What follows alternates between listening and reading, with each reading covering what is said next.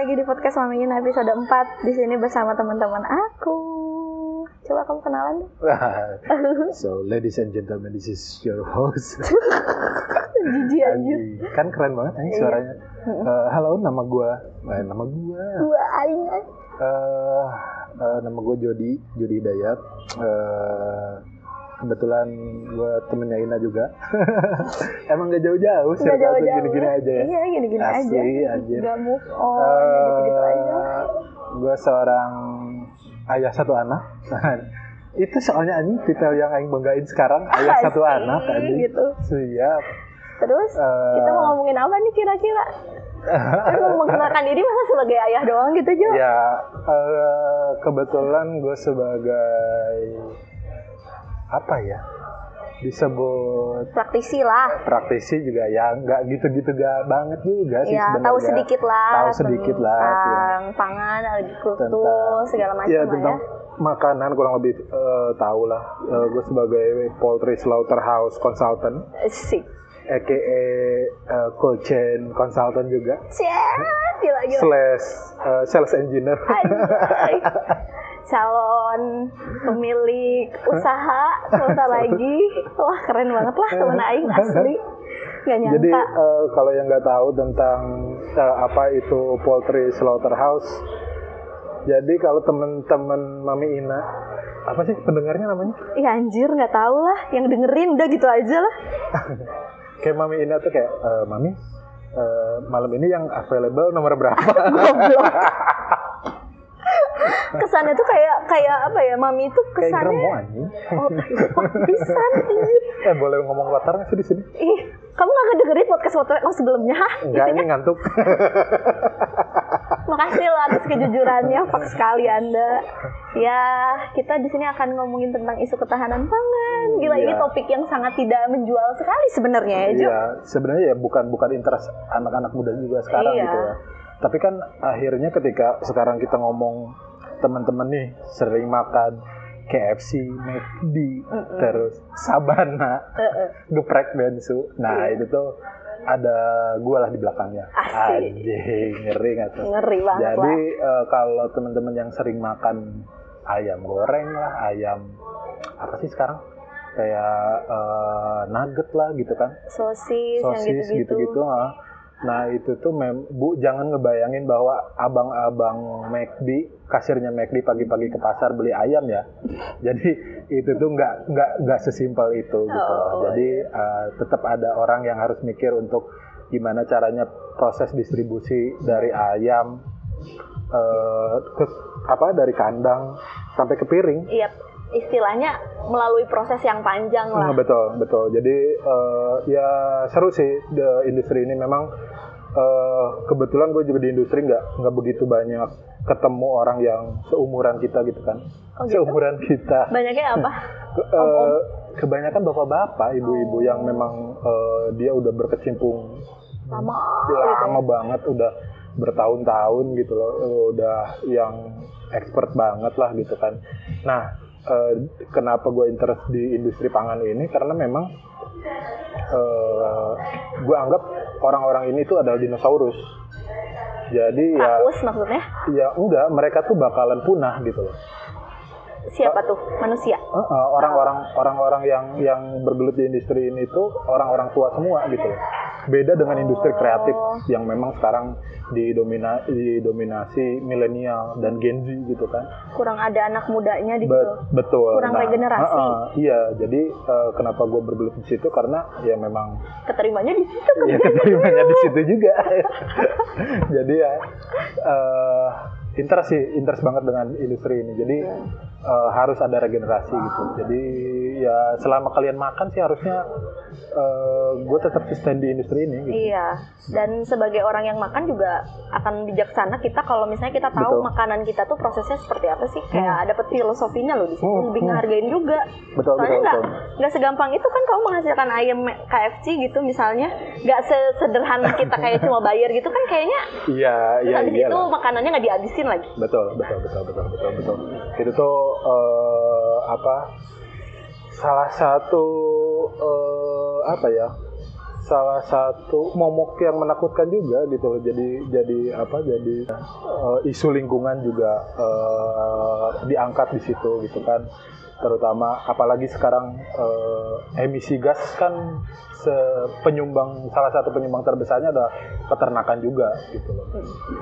Udah nggak usah terlalu jauh dulu. Mendingan kita sekarang ngomongin emisi mendingan gas nggak tuh ini nanti kita ngomongin emisi Oke. gas, tapi yang pertama kita mau tahu tuh sebenarnya prosesnya tuh se sebagai ma sekarang tuh supply-nya dulu deh. Hmm, hmm. Supply-nya kalau kita ngomongin demand kan ya nggak mungkin juga nggak ada demand-nya ya pasti Iya. banyak apalagi kan Betul. sekarang lagi istilahnya covid covid kayak gini nih yang dituin kan isunya pasti soal ketahanan pangan kita kayak gimana gitu kan. Betul betul betul. Nah, apalagi untuk agrikultur sendiri itu kan kita sebagai kita di Jakarta aja, ya, Hmm, hmm. kita kan nggak punya sawah Oke. gitu. Jadi otomatis kita tuh disumbang dari daerah-daerah lain yang Ya. Yang yang supply lah ke kita Hmm, gitu. hmm, hmm. Tapi tentang supply-nya sendiri nih, Hmm. kamu kan di bidang ayam-ayam lah, Hmm. poultry. Gimana sih?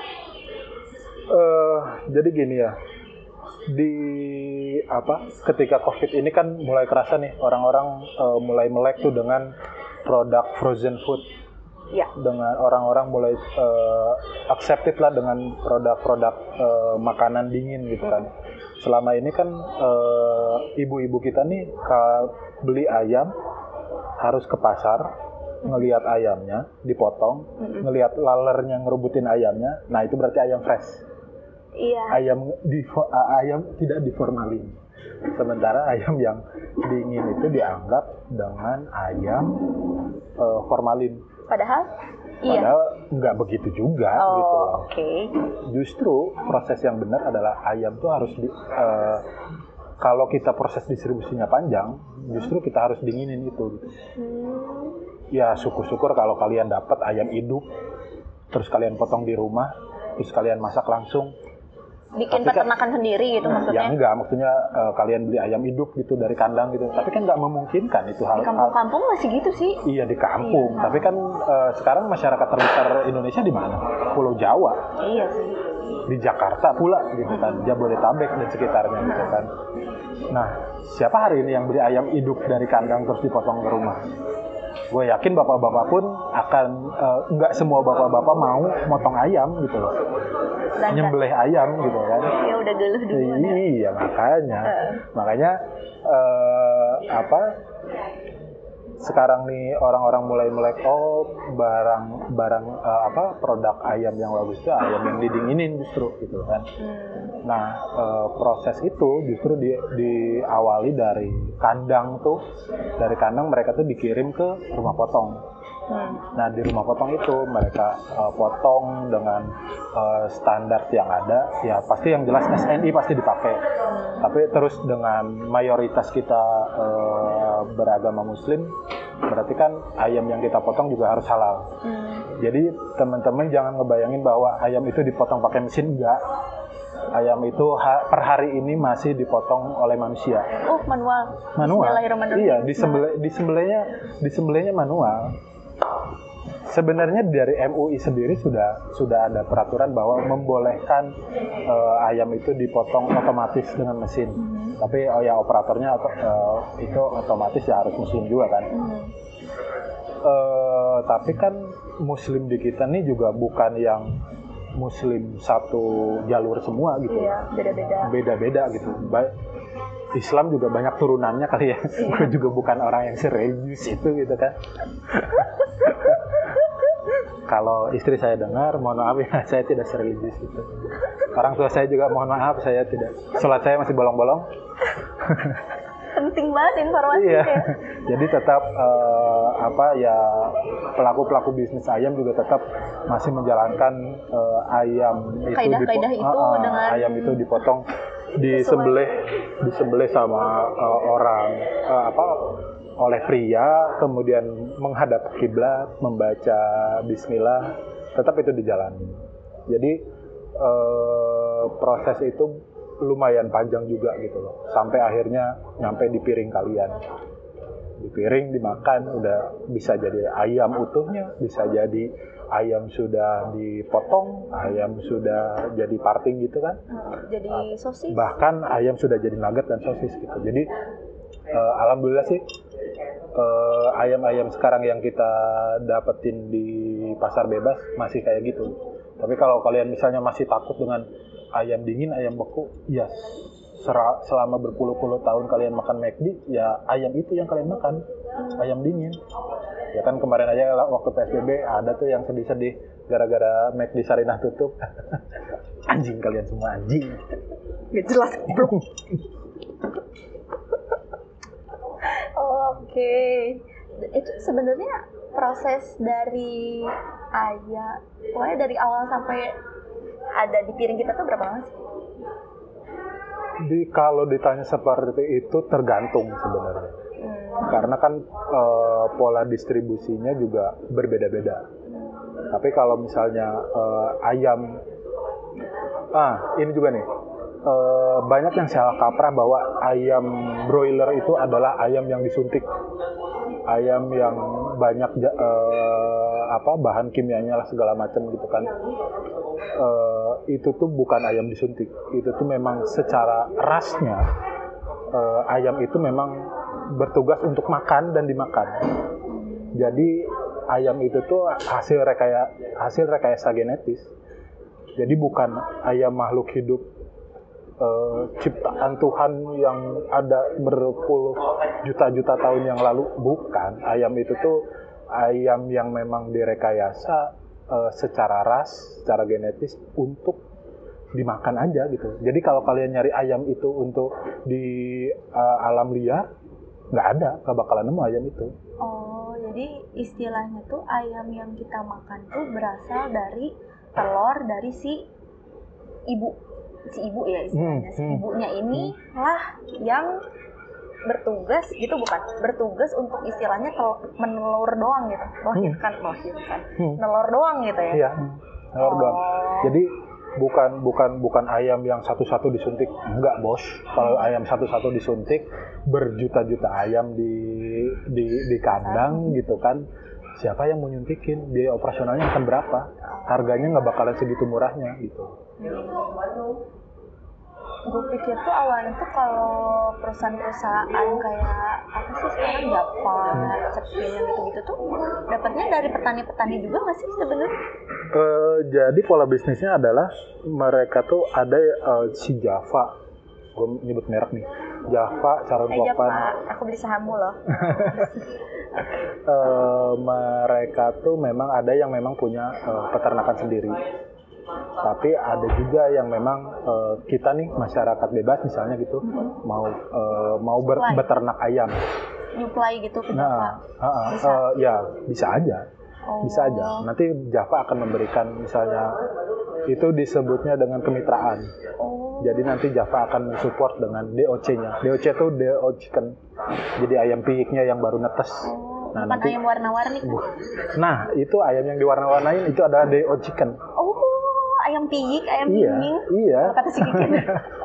itu itu tuh DO chicken yang memang eh, disuplai dari nanti dari Java dikasih ke peternak untuk dikembangbiakan.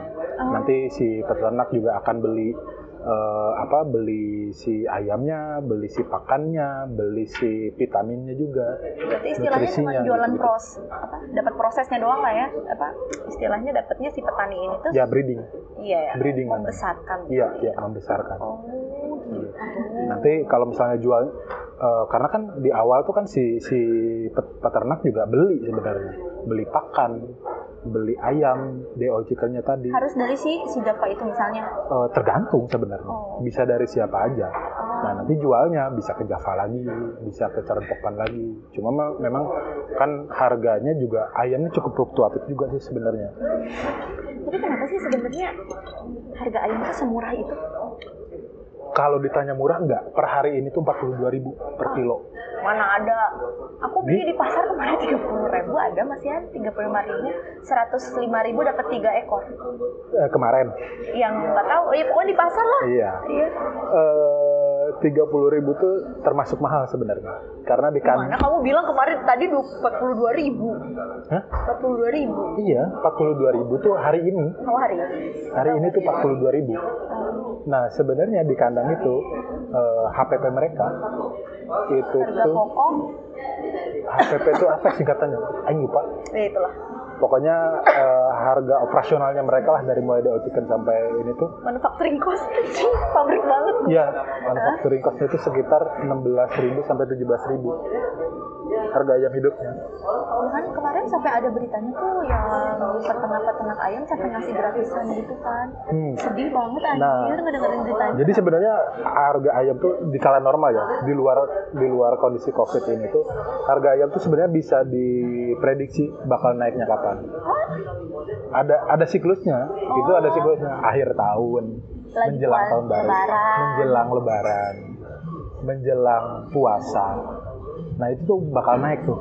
Terus tren baru lagi eh, ketika libur sekolah, itu tuh bakal naik.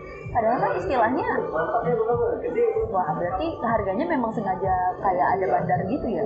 eh iya, sebe gimana ya? Maksudnya kan kita udah tahu nih saat-saat kayak gitu harganya akan mahal. Berarti istilahnya dari sisi pabrik-pabrik ya orang yang bikin lah istilahnya kamu apa segala macam gitu pasti kan mempersiapkan stok yang lebih banyak.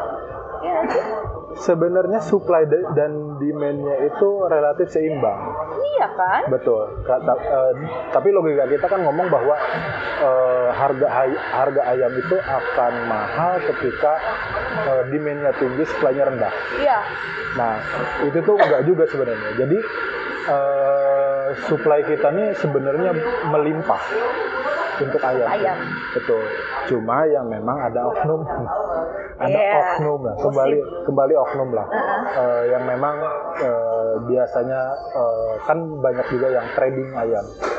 Jadi mereka cuma ngambil dari kandang kemudian dijual lagi ke Tengkulak ya istilahnya? Iya, ya? istilahnya Iya, tengkulak. eh, yang ngambil dari kandang kemudian dijual ke pasar. Nah, itu tuh ketika misalnya kandang nih ada misalnya ada 10 kandang gitu. Nah, si kandang pertama nih panen. Kemudian kandang kedua nih panen juga. Waktunya panen. Nah, si si trader bakalan beli kan kandang pertama.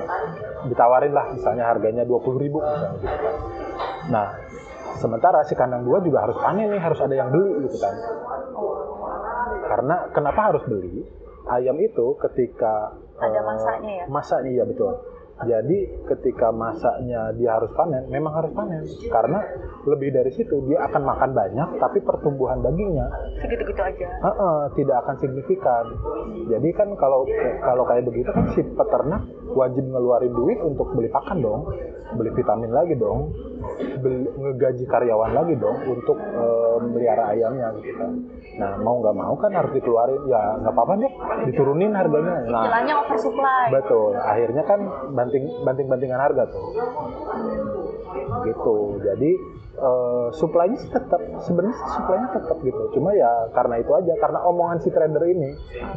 Eh kandang dua eh, itu si eh, kandang satu juga panen gue beli di sana aja. Ya udah deh pak beli aja nih kandang eh, ayam di kandang gue nih harganya sembilan belas ribu misalnya. Ya udah tuh bilang lagi tuh ke sembilan- si kandang satu.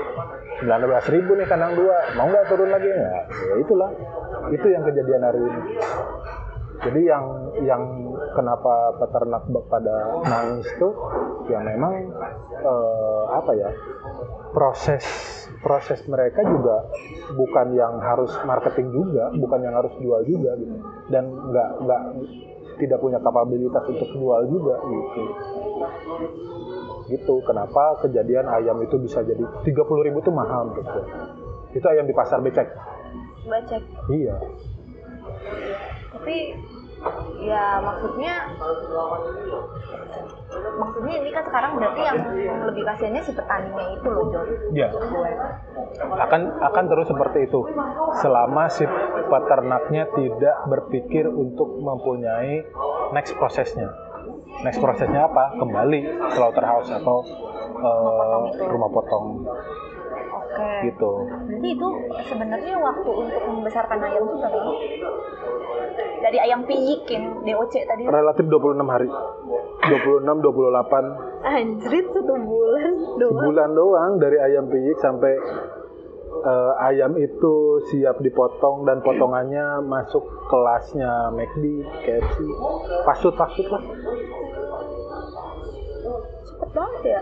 Kayak Cepat. Kalau sekarang dibandingin sama ayam kampung, kita misalnya miara ayam kampung 6 bulan aja belum tentu bisa belum tentu bisa apa belum tentu bisa di layak dimakan gitu ya dagingnya pasti nggak bakalan ada dagingnya itu Terus habis dari situ dipotong, habis itu Nah, setelah dari kandang tuh dia pindah ke rumah. Jadi proses distribusinya tuh bisa masuk ke rumah potong, bisa masuk langsung ke pasar becek. hmm, pasar becek istilahnya harus langsung penjual lah. Iya. Maksudnya ada waktu tertentu Betul. berapa seminggu kurang. Enggak, pasar becek tuh dikirim hari ini dijual hari ini habis. Harus nggak bisa disimpan. Ya, ayam hidup kan berarti kalian harus ngasih makan. Iya maksudnya kalau kalau dipotong gitu Jod, kan biasanya kalau di, di tempat Betul. becek itu kan Iya, di di ya di pasar becek nggak bakalan ada juga fasilitas untuk nyimpen ayam. Nyimpen ayam potong ya. oh gitu. Jadi langsung harus habis saat itu juga. Iya, kalau ke pasar becek. Tapi memang konsumsinya juga salah satu terbesar juga pasar becek. Ya, untuk yang rumah tangga lah Betul, ya istilahnya bukan betul. KFC tapi Betul. buat opor. Iya, iya, iya. Ibu-ibu kita kan gitu masih masih masih seneng. eh, aneh juga kadang saya datang ke pasar beli ke pasar tuh harus ayam yang ada lalernya gitu kan. Tapi ketika dia ke Carrefour beli ayam yang digeletakin di Carrefour dia bangga banget. Padahal ya itu ayam dingin juga. Sama aja ya. Sama aja, sama aja. Justru lebih higienis ya ayam yang di supermarket. Karena dipotongnya juga ruangannya bersih, dia mikirin sanitasi, dia mikirin eh, standarnya eh, HACCP. Kemudian dia juga mikirin eh, apa eh, higienitas lah tentang eh, ruang potong yang benar tuh kayak gimana. Dia disimpan yang layak tuh kayak gimana. Gitu. Beda lagi dengan di pasar yang ya Allah laler berkerubung terus ada tikus lah segala macam. Higienisnya di mana gitu loh. Abang-abangnya juga eh, apa belum kena lagi keringet abang-abangnya kan. Ya motongnya udah pakai singletan doang Ya. gitu itu yang bikin pecel ayam enak. nah itu dia. Eh, kenapa kita makan ayam eh, ayam ayam yang kotor itu tetap sehat-sehat aja karena memang proses eh, pemasakan kita nih overcook semuanya. Jadi kasarnya kita nih makan ampas. Jadi nutrisinya tuh ya mungkin ya tinggal seberapanya gitu. Coba kita kita runut deh makanan ayam kita nih. Pecel ayam. Digorengnya udah pakai minyak panas yang warna hitam itu. Itu udah jelas overcook. Bakterinya juga udah pasti mati gitu kan Aduh, anjir, pulang dari sini nggak mau lagi makan Iya, rendang ayam, rendang ayam, ayam bakar. Iya. Ayam bakar aja masaknya dua kali loh.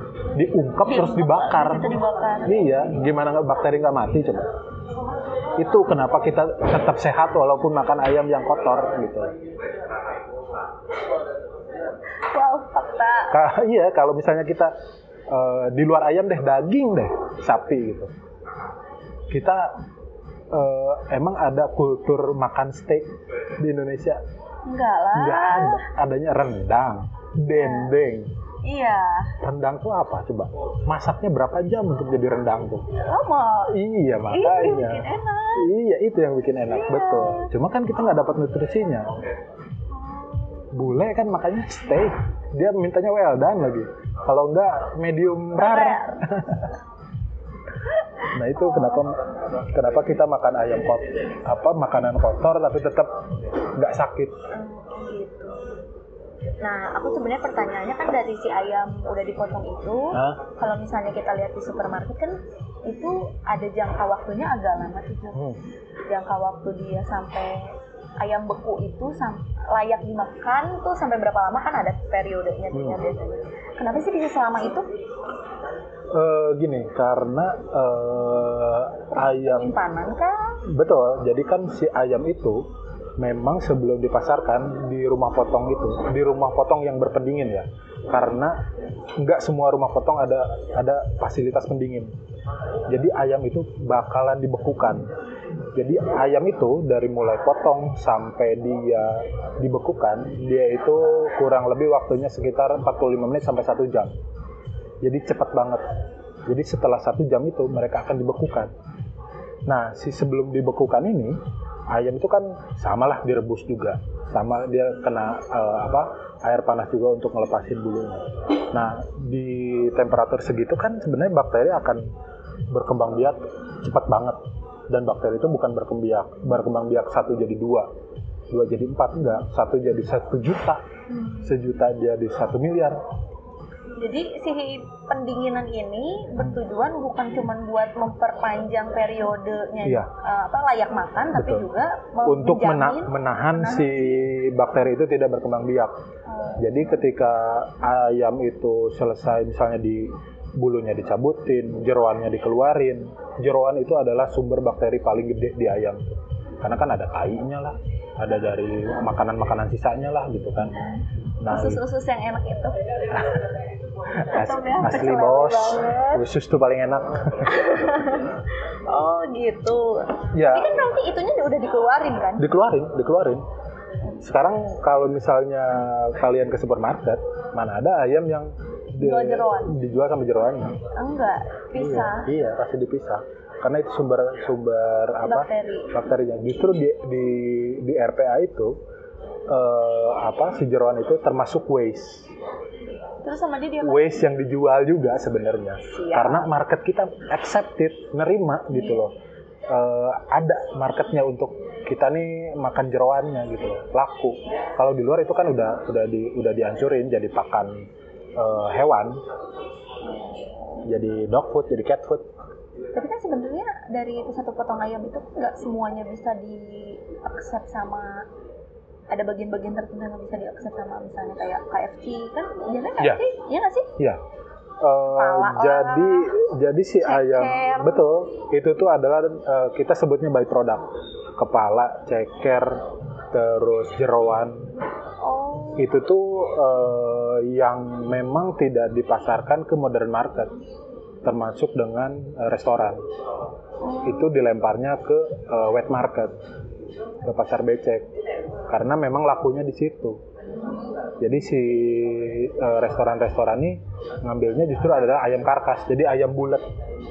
Cuma dagingnya aja paha dada sayap. Nah, itu yang yang diterima sama eh, modern market sama eh, apa restoran gitu. Jadi by produk ini justru dikeluarin. Jadi di rumah potong biasanya sih yang rumah potong modern tuh by produk udah langsung dikeluarin karena mereka kan kalau misalnya harus diolah lagi berarti kan mereka harus nyiapin air lagi, nyiapin orang lagi untuk eh, bersihinnya gitu kan. Nah, itu adalah biaya operasional lagi gitu. Jadi makanya mereka keluarin eh, dilempar ke eh, pasar becek. Lumayan harganya bos, sekilo enam ribu cuma. Tapi di pasar mah bisa 13.000 ribu jeroan tuh. Gede itu untungnya. Jadi rumah potong ayam modern tuh justru eh, profitnya dari situ. Jadi si apa namanya si karkas tuh biasanya untuk operasional aja. oh gitu. Jadi profitnya tuh dari by product, dari bulu juga. Bulu juga ada harganya, bos. Bulu-bulu kayak gitu apa dijadiin kok gitu? Sotoy banget gue. Kalau eh, bulu ayam jadinya adalah pakan lele. Kalau bulu bebek jadi jaket, jadi bantal biasa. Bulu bebek tuh lebih mahal lagi harganya. Ada nggak sih waste yang benar-benar nggak bisa diapa-apain? Buang aja. Eh, semua proses eh, semua proses produksi pasti ada waste-nya. Iya pasti. Eh, minimal 20% kan. Anjrit. Eh, jadi yang yang yang ngegembor-gemborin zero waste itu nggak ada. Even Tesla yang nge, nge- apa mengkampanyekan tentang mobil listrik, ya kamu pikir baterai itu nggak harus diganti berkala? Itu tuh adalah waste juga. Sementara sekarang listrik juga pembangkit listriknya apa coba? Batu bara. Ada waste-nya? Ada waste-nya. Jadi semua proses produksi itu ada waste-nya. Waste-nya diapain? Kompos? Eh, si rumah potong ayam waste-nya itu adalah air sebenarnya. Iya, air. Air sisa-sisa. Nah, itu tuh ada eh, instalasi pengolahan air limbah. Oh, WWT, WTT, WTT. Iya, WWTP. Waste eh, wastewater treatment, Treatment. process. Setelah itu dibuang. Setelah itu dibuang ke lingkungan. Makanya pro- si apa? Si rumah potong ini, rumah potong ayam RPA itu pasti posisinya dekat sungai. Cuma ya memang dibuangnya itu nggak langsung, dia ada proses dulu sampai eh, layak buang baru dibuang, gitu. Jadi eh, kalau eh, di RPA justru waste-nya minim. Yang paling banyak itu malah di proses breeding yang Iya, tadi ya kan? iya, karena ada Udah pakannya, airnya. Iya, iya, Di situ yang dikeluarkan sama si ayamnya sendiri kan pasti Betul. zat apa yang kamu amonia. Amonia. Iya, dia kan keluar kaca, amonia. Iya, bos. jadinya, bos. tai itu amoniak tuh eh, lumayan gede dampaknya. Makanya kan sekarang nih eh, ada di YouTube tuh ada namanya impossible meat. Jadi daging yang dikembangbiakan. Eh bukan dikembangbiakan sih. Di apa ya? Jadi si dagingnya ini bukan dari hewan. Bukan hewan yang disembelih, sorry. Jadi dia tuh cuma ngambil sel dari ayam misalnya atau dari sapi. Nah, si selnya ini dikasih makan. Jadi yang berkembang itu adalah daging tok, tanpa lemak, tanpa zat-zat aneh-aneh. Ini berarti ini termasuk reka- rekayasa. Rekayasa genetis. Cuma kan gue sih men- menurut gue ya harusnya ini nggak disebut daging nantinya. Karena eh belum tentu halal. Udah ada sih, Sin? Eh gue nggak yakin sih, kayaknya belum ya. Iya, iya. menurut gue ini bukan daging yang halal nantinya bakalan jadi polemik karena kan di Islam anjing di Islam Ya Allah, gua cut lah yang ini dag- ntar. daging yang daging yang halal kan adalah daging dari hewan yang disembelih sementara daging ini kan bukan dari hewan yang disembelih Oh, mungkin penamaan. iya mungkin Penamaannya bukan daging. betul betul jadi ya hari ini juga orang-orang kan plant based jadi tren baru kan orang-orang mengurangi gitu kan makan-makan daging ya ya kenapa mungkin kalau jadi vegan vegan yang ideologis kan agak aneh mungkin. Makanya disebutnya plant based. Oh, iya. kalau jadi vegan yang hewan itu bukan untuk dimakan gitu itu kan agak ya aneh gitu. agak agak susah juga ya misalnya kita misalnya ke eh, warung Padang gitu. Vegan. Ayam eh ayam nasi pakai daun sambal ya nggak bisa gitu. Tapi mungkin ayam pop sama perkedel masih masih oke Iya. gitu kan. Cuman sebenarnya dari masalah waste yang tadi itu yang tadi sustainable food itu maksudnya sustainable food tuh si pegang-pegang itu. Jadi plant based itu sustainable food. Oh iya. Nah, sebenarnya nih aku banget ngomongin food waste itu tuh sebenarnya apa sih yang harus kita lakukan nih sebagai chain terakhir yang makan Hmm. apa sih yang bisa kita lakukan untuk mengurangi itu? Gak mungkin juga, eh kalian jangan makan daging, eh kalian jangan makan ayam kan nggak mungkin. eh, food waste itu di kita mungkin hampir nggak ada nah. karena di hewan kita makan semuanya Iya, tapi kan yang lainnya tadi tainya, habis itu prosesnya loh, in prosesnya Hmm, hmm, hmm, si apa tadi kamu bilang airnya, hmm. apanya gitu. Eh, jadi memang si si apa proses produksi makanan itu pasti eh, ngeluarin Waste. waste betul cuma memang di kita eh, apa di makanan ketat juga tentang pembuangan limbah makanan. Jadi mereka pasti minimal punya eh, IPAL. Harus itu harus IPAL. Instalasi pengolahan air, air limbah. Itu tuh harus wajib. Jadi memang eh, entah itu di pemotongan ayam sapi babi pasti ada ipalnya Tapi gitu kalau di rantai eh, rantai distribusi yang tadi kan setelah di rumah potong ayam Hmm. itu kan didistribusi lah ya Hmm. udah langsung didistribusi itu akan ada waste-nya lagi nggak? Misalnya ayam-ayamnya memang dicek satu-satu misalnya oh ini masih oke ini enggak gitu. enggak enggak jadi memang pas dari kan- dari kandang ke rumah potong tuh si ayam sampai tuh pasti dicek dulu rigor eh, apa eh, antemortem postmortem pasti si dokter hewan ngecek dulu nih ayam ini layak layak eh, apa potong atau enggak kalau enggak biasanya reject balikin lagi ketika di reject bisa kadang ada yang dibakar kadang ada yang dimasukin lagi ke kandang dikasih makan lagi supaya sehat Hmm. Oke, aku udah agak paham tentang ayam sekarang. Nah sekarang tentang agrikultur, Hmm. walaupun kamu mungkin nggak eh, paham lah pasti lah dikit-dikit tentang apa ya? Apa sih ini? agriculture nih agak agak eksotis justru industrinya Kenapa tuh? agriculture nih kan kita nih sebenarnya negara tropis ya yang memang masa tanamnya adalah sepanjang tahun Ya, tapi kan kita egois juga kalau misalnya kita mengharapkan setiap hari ada mangga di meja kita. Nah, itu dia. Eh, di kita nih fasilitas untuk kontrol atmosfer storage tuh sangat amat sedikit. Jadi Makanya Anda ini masuk jurusan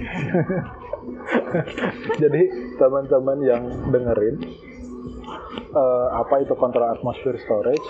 Jadi beda dengan daging dengan ayam. Dia tuh eh, disimpan di ruangan dingin. eh, apa yang memang yang dikondisikannya adalah temperatur saja.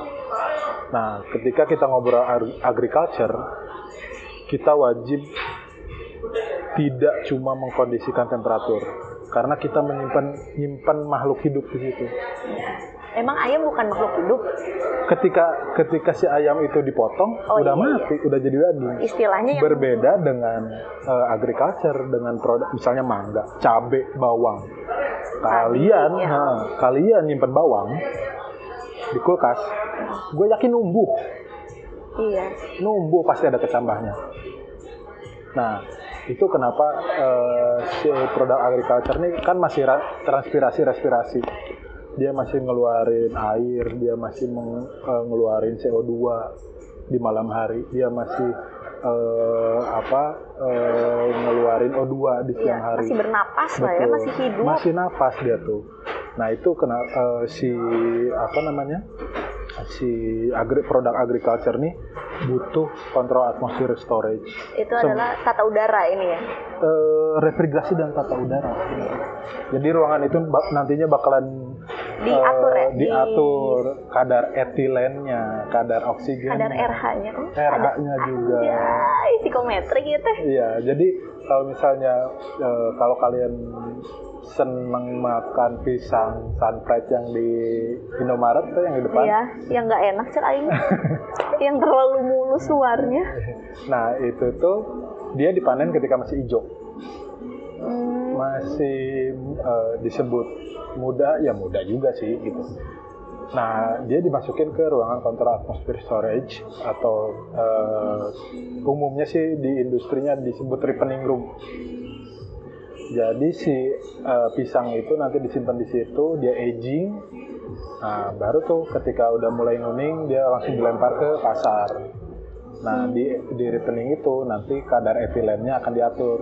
Itu kenapa eh, apa? Dulu sih nyokap gua kalau di belakang rumah dia metik pisang, dia bakalan simpen ditaro di tempat nyimpennya tuh ditambahin karbit. oh. Karbit kan etilen.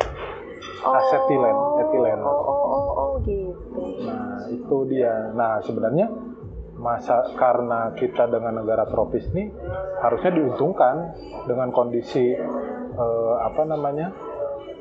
eh, kondisi kita bisa nanam sepanjang tahun, kita bisa panen, eh, kita bisa nanam eh, apa tumbuhan sesuai dengan eh, apa musim yang kita jalanin di waktu itu. Kan musim kita nih kalau nggak panas panas banget kan? Iya. Hujan mata lagi lah. Kalau nggak panas panas banget gitu. Tapi kan sebenarnya kalau misalnya kita dapat privilege seperti itu, Hmm. tapi sebenarnya kan kita kurang lahan gak sih untuk pertanian Kalau, sendiri? di- kalau ditanya kurang lahan enggak. Tapi kan maksudnya ya kenapa kita mesti impor gitu loh, Jo? Ki- Kita tuh lemah di next proses. Oh. Kita nih nggak bisa nyimpan. Cina bisa bisa ngasih Hidup kita Cina. bawang bawang putih gimana caranya? Dia nanam ketika panen raya dia simpen. Dia ngeluarin cuma sesuai dengan eh, demand dia di pasar aja. Kan ke apa konsumsi per kapita kan udah bisa terukur dong. Iya. Nah, dia keluarin sesuai konsumsi per kapitanya aja. Apa kita kurang data ya? Hah? Supply kita berapa, ininya berapa, terus apa yang harus dilakukan? Gue gua- udah ngomongin kayak gitu tai. ah. gue sih taunya cabai merah ya cabai Iya. merah tuh konsumsi kita adalah sebagai yang kita sukanya sambal-sambelan Indonesia nih. eh, balado-balado Iya, iya, iya. kita konsumsi kita tuh adalah 900 ribu ton setahun Indonesia. Indonesia Iya. produksi kita 1,2 juta ton setahun surplus 300 ribu ton Oh, jadi impor-impor itu teh maksudnya apa? ya Ayo apa ini teh? kayaknya konspirasi Wahyudi Wow. Oh, gitu. ya gue tau gue tau cabai cabai itu eh, segituan Hmm, Jadi kalau ditanya eh, suplainya kurang, sebenarnya di masa panen nggak nggak kurang. Kenapa kemarin ada kejadian petani eh, apa ngasih-ngasihin tomatnya, ngasih-ngasihin cabenya? menarik sih ini apa yang kamu bicarakan itu. Maksudnya yang aku pikir sekarang tuh kita kurang supply. Enggak, enggak sama sekali. Aneh kalau Apa apakah dijual, apakah diekspor gitu? jadi waste. Jadi waste. Cina tuh bisa nyimpen, kenapa dia bisa ekspor? Ya tapi kalau misalnya kita berideologi ke sana nih ya, masa ke Cina juga. Sebenarnya kita kan kayak punya aku baca-baca kemarin soal eh, jadi kita Aja, aing mah males baca. ya dengerin lah baca soal jadi kita punya kayak adat gitu adat di Sukabumi Gunung Halimun jadi adat itu di apa ya istilah dusun ya kalau kayak gitu ya dia itu eh, mandiri Hmm. kayak punya presidennya sendiri, punya menteri-menterinya sendiri di situ. Mereka bisa eh mereka punya punya 100% lahan, 50 persennya itu hutan. Hmm. Si hutannya itu nggak akan diapa-apain, Hmm. Nggak boleh disentuh sama manusia. Hmm. Yang mereka gunakan 50%, habis itu buat penduduk 10%, 30 persennya itu kayak buat sawah, buat pertanian di situ. Dan mereka bisa dan eh, stok padi mereka 50 tahunan. Iya. Nuhun. Dan mereka memang melarang penjualan eh, padi. Iya, makanya aneh ketika kita eh, misalnya ada masa di mana cabai itu petani itu ngelempar-lemparin cabenya, tomatnya ke jalan gitu, dikasih-kasihin. Tapi ketika mahal, justru eh, apa ketika kita misalnya mau masuk lebaran, harganya mahal. Itu tuh kan jadi secara logika sih jadi pertanyaan gitu kan. Cuma ya balik lagi harusnya sih eh, karena kita punya yang namanya bulog Eh, itu tapi adalah tugasnya bulog menurut gua. nah, sedangkan Bulog sendiri cuman punya stok kira-kira tuh cuman 12 bulan untuk padi. Itu pun belum tentu kan si yang lossnya ada berapa. Iya. Padi itu lossnya itu sekitar 30 sampai 40 persen Percaya. stok satu tahun eh, apa stok eh, eh, apa padi kita di Indonesia tuh dia tuh ada lossnya 30 sampai 40 persen. Nah, ketika kita punya kontra atmosphere storage, harusnya lossnya itu maksimal Bulog adalah emang nggak punya. Bulog tuh setahu gua punya punya cuma Di beberapa dikit tempat. di yang gua tahu ada di Brebes untuk bawang. Mm-mm. Nah, pad, eh, si produk agriculture ini kalau disimpan di control atmosphere storage, dia itu lossnya maksimal 5%. Jadi harusnya sih kita mendingan berinvestasi untuk saving 25% itu. setuju tapi kenapa nggak menuju ke sana ya Jo? Maksudnya nggak si Bulog kan sendiri tidak mengatur semuanya kan tentang agrikultur enggak kan Ini yang dengerin berapa orang sih? Enggak dikit. Dikit Aing- apa sih? Aduh, Aing takut- apa sih Aing podcast takut Mami Ina? tiba-tiba nanti masuk YouTube-nya Deddy Corbuzier. Klarifikasi ya. Minta maaf, nangis. Bangke. Jadi ya gimana ya? Eh, ya kalau kita menggantung apa se ngegantungin semuanya ke pemerintah, ke bulog, mungkin sih akan ya nggak tahu lah realisasinya akan berapa lama gitu. Cuma ya yang jelas sih eh, pihak swasta kalau memang kalian cinta Indonesia Wih, SJW-nya keluar. ya kon- lebih concern lah ke situ lah gitu kasihan eh, apa teman-teman kita rakyat Indonesia yang dalam kondisi prasejahtera iya, Iya. kasihan kan sebenarnya kayak gitu petani. iya betul betul betul Karena tengkulak itu yang tadi kamu ya bilang. ya kenapa lulusan dulu teman-teman gue lulusan IPB peter eh, apa peternakan eh, sama pertanian larinya ke bank nggak mau dia ngelempar-lemparin cabenya ke jalan mendingan di bank aja lah sudah dapat gaji Iya, ya kalau kita itu kayaknya masalahnya jadinya panjang dan banyak banget gitu. Iya. Tapi kan sebenarnya si kembali ke si Bulog lagi bahwa eh, Indonesia itu untuk yang diatur tentang si Bulog tuh ngatur apa aja sih? Apa semuanya gitu maksudnya ma- apa ya? Pangan kita kan banyak banget tuh Jo. Padi, ya gula, ya eh, apa ked- kedelai aja. palawija lah Palawija lah gitu semua sama dia diatur. eh disebut diatur juga nggak diatur-atur juga gitu. cuma dia kan tugasnya kan sebenarnya untuk menjaga supply tugasnya itu sebenarnya cuma kan ya memang fasilitasnya juga nggak nggak sebegitu lengkapnya juga. Kebanyakan setahu gua akses bulog tuh paling bagus. Dia tuh di tiap daerah Ada. kabupaten tuh pasti ada. Dan aksesnya deket tol pasti deket stasiun pasti deket eh, ya bandara pasti ada. Tapi memang kebanyakan gudang kering. Ya kalau udah ngomong gudang kering kan ya kayak lu nyimpen beras lu di rumah gitu.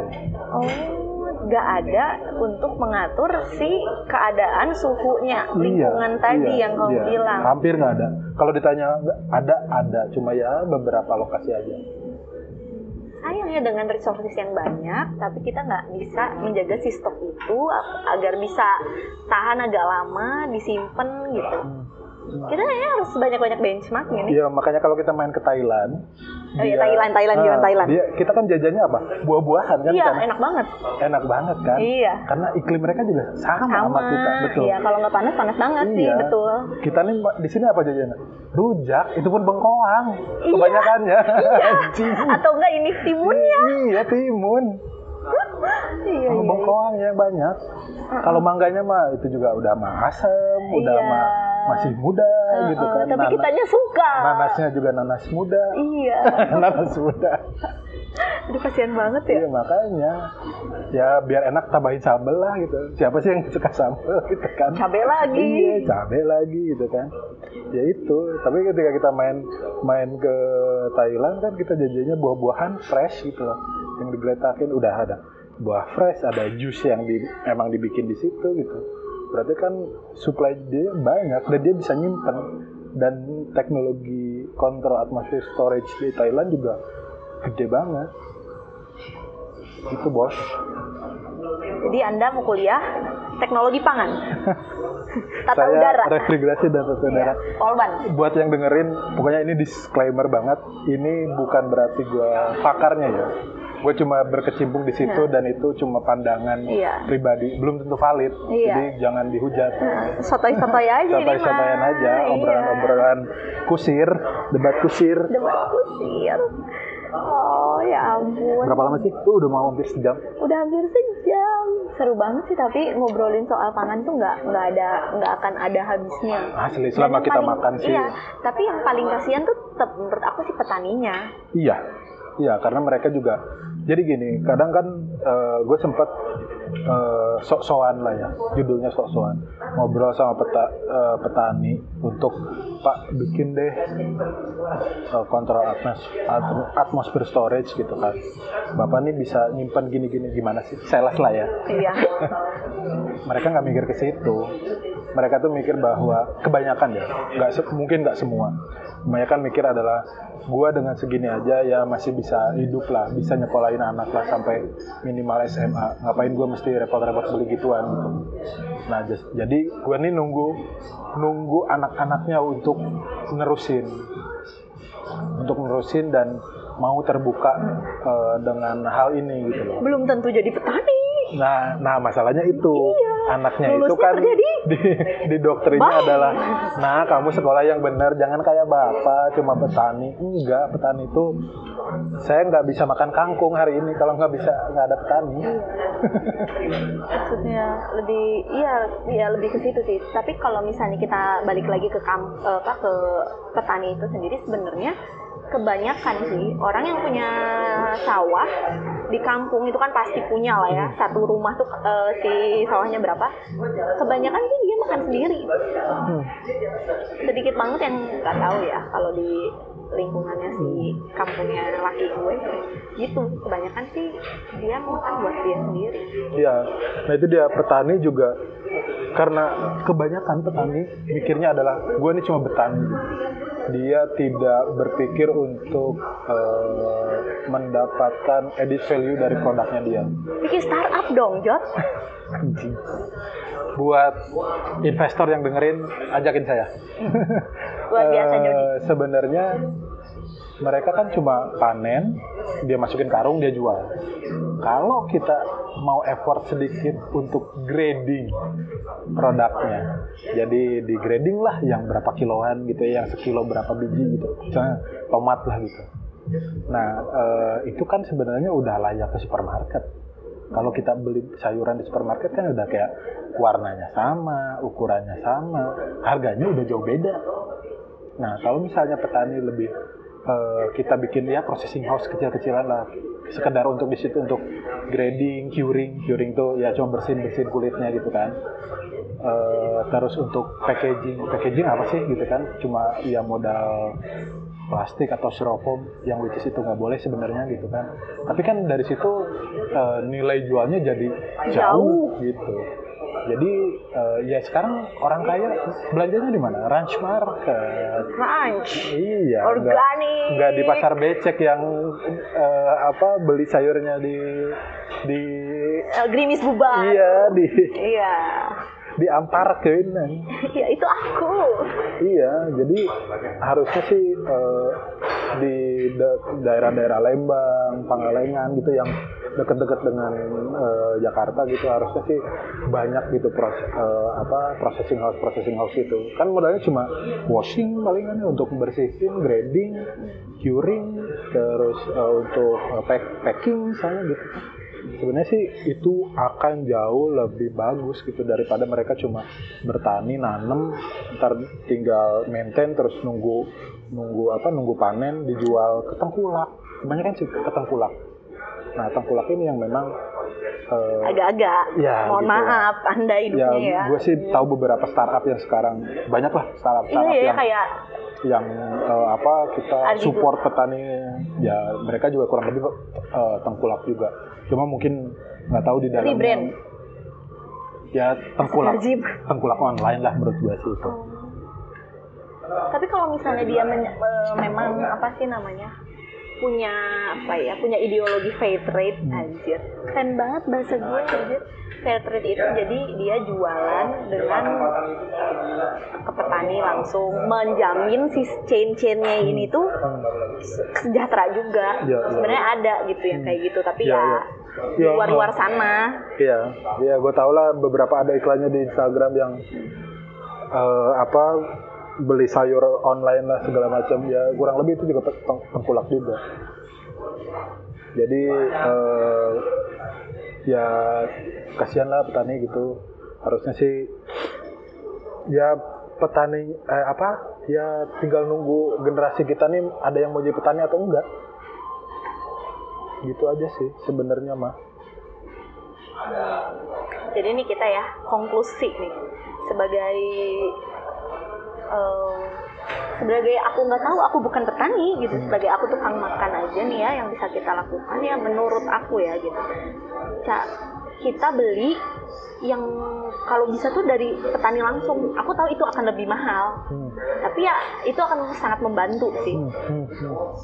karena kan ada lah pasti yang langsung kita beli dari petaninya gitu ya dan itu pasti harganya akan lebih mahal daripada kita beli di pasar Hmm. atau di Carrefour tapi ya, it- ya itu membantu itu bener-bener membantu si Iya. petani itu sih menurut Iya, aku iya.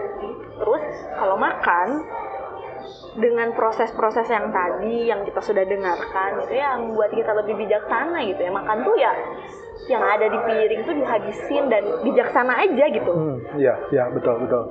Bijak ya kalau misalnya gimana ya kalau misalnya kita tahu prosesnya mungkin kita akan lebih menghargai loh ini tuh Hmm. prosesnya tuh panjang eh jangan lah, aduh makan cuma Iya. sedikit dikit aja ya diambil aja sedikit gitu Ya, makan aja cukup jangan ada sisa ya. Jangan takut ayam dingin. Tapi ya, tapi ayam. ya bukan berarti di pasar itu pasti jelek ya enggak. Cuma gue mau maunya di pasar becek pun orang melek gitu dengan dengan sanitasi dengan eh, apa ya minimal jangan jangan motong ayam di lantai yang kotor lah gitu geli gue gitu ngelihatnya gue tuh tapi beli nggak Hah? enggak gue udah udah nggak beli ayam ayam potong di pasar oh becek ya Allah aku masih beli di itu Enggak gue, karena gue tahu yang yang bersih itu yang mana oh gitu. karena kamu di situ ya Karena gue tahu di situ. Iya. Jadi gue nggak pernah kalau ayam gue nggak pernah beli di pasar becek lagi. kalau untuk yang lain ya mungkin aku nggak tahu lah ya udah gitu Iya. jangan-jangan udah nggak beli pecel ayam lagi oh tetap tentu saja kalau itu mah guilty pleasure. Nah, iya ya itu mah itu gimana lagi ya gitu oke mungkin sekian dulu lah pembicaraan yang sangat menarik Sip. sekali Kalau mau ini. ada yang nanya boleh dah ke IG gue. Cielah. Ke IG boleh, ke email boleh. Iya. Tulis lah ntar ya di Iya. deskripsinya. Iya boleh boleh. Promo kan. Promo iya. Dia juga buka jasa konsultasi pembukaan rumah potong ayam. Ini salah satu calon pengusaha muda. Ntar kita lihat juri dua tahun lagi. Ya pokoknya kalau ngomongin ketahanan pangan, udahlah kalian mah ada GrabFood kok sama GoFood. Gak usah ngeribetin itu lah, udah gue aja lah. Jadi nggak ada sosial sosialnya banget ini. Oke. Eh, sampai jumpa di next episode ya. Dadah.